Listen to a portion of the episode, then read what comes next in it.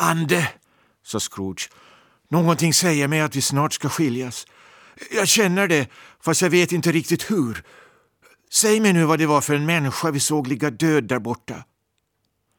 Den kommande julens ande ledde honom liksom förut. Han tyckte att det var i en annan tid och fick ingen reda i dessa sista syner utom att han visste att det var i framtiden. Till det ena kontoret efter det andra men utan att visa honom själv. Anden stannade inte någonstans utan gick ständigt vidare som om han var på väg mot det begärda målet. Slutligen bad Scrooge honom dröja ett ögonblick. Vid den här gården, om vi nu skyndar över, sa Scrooge, ligger mitt kontor och har legat där länge. Låt mig se huset. Låt mig se vad det ska bli av mig i framtiden. Anden stannade, men pekade åt ett annat håll. Huset ligger ju där, utbrast Scrooge. Varför pekar du åt ett annat håll? Det obevekliga fingret förblev orörligt. Scrooge skyndade till sitt kontorsfönster och tittade in. Det var fortfarande kontor, men inte längre hans. Möblemanget var ett annat. Den som satt i stolen var inte han. Skepnaden pekade liksom förut. Han slöt sig åter till anden och följde honom tills det kom till en gallergrind medan han undrade vart han själv hade tagit vägen. Han stannade och såg sig om innan det trädde in. En kyrkogård. Här, i denna jord, låg alltså den eländige man vars namn han nu måste lära känna.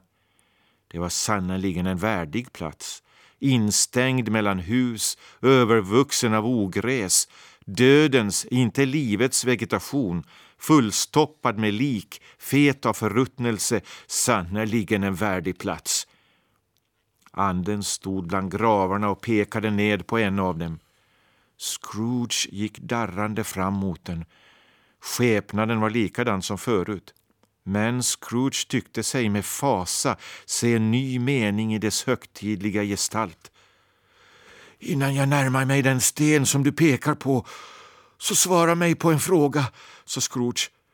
Är det här skuggor av det som ska komma eller endast som kanske kommer?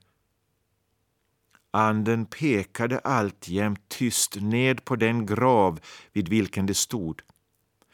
Vissa mål är satta för människans väg och dit når hon om hon fortsätter samma väg, sa Scrooge. Men om hon slår in på en ny så blir också målet ett annat. Säg att det är så med det som du visar mig. Anden stod lika orörlig som förr.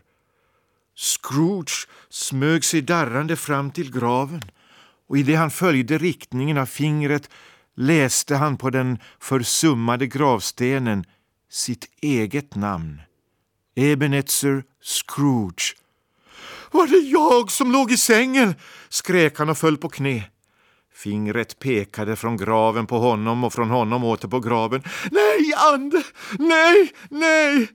Fingret pekade alltjämt. Ande, hör på mig, skrek han och klamrade sig fast vid manteln. Jag är inte den jag var förut. Jag kommer inte att vara den jag skulle ha varit om inte detta hade hänt.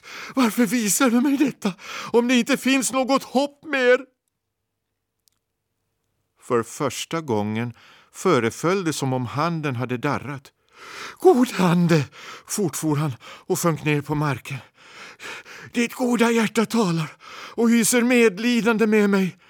Säg mig att jag ännu kan ändra de skuggor du har visat mig om jag ändrar mitt liv.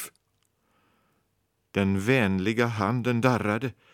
Jag vill hedra julen av allt mitt hjärta och försöka göra det hela året. Jag vill leva i det förflutna, i det närvarande och i framtiden. Alla dessa tre andar ska verka inom mig. Jag vill inte avvisa deras lärdomar. Och säg mig bara att jag kan utplåna inskriften på denna sten. I sin förtvivlan grep han den spöklika handen. Den sökte befria sig från hans grepp, men han var stark i sin bönfallande iver och höll den kvar. Dock, anden var ännu starkare och stötte honom tillbaka. När han sträckte upp sina händer i en sista bön om att hans öde skulle förändras såg han hur skepnadens dräkt började förvandlas.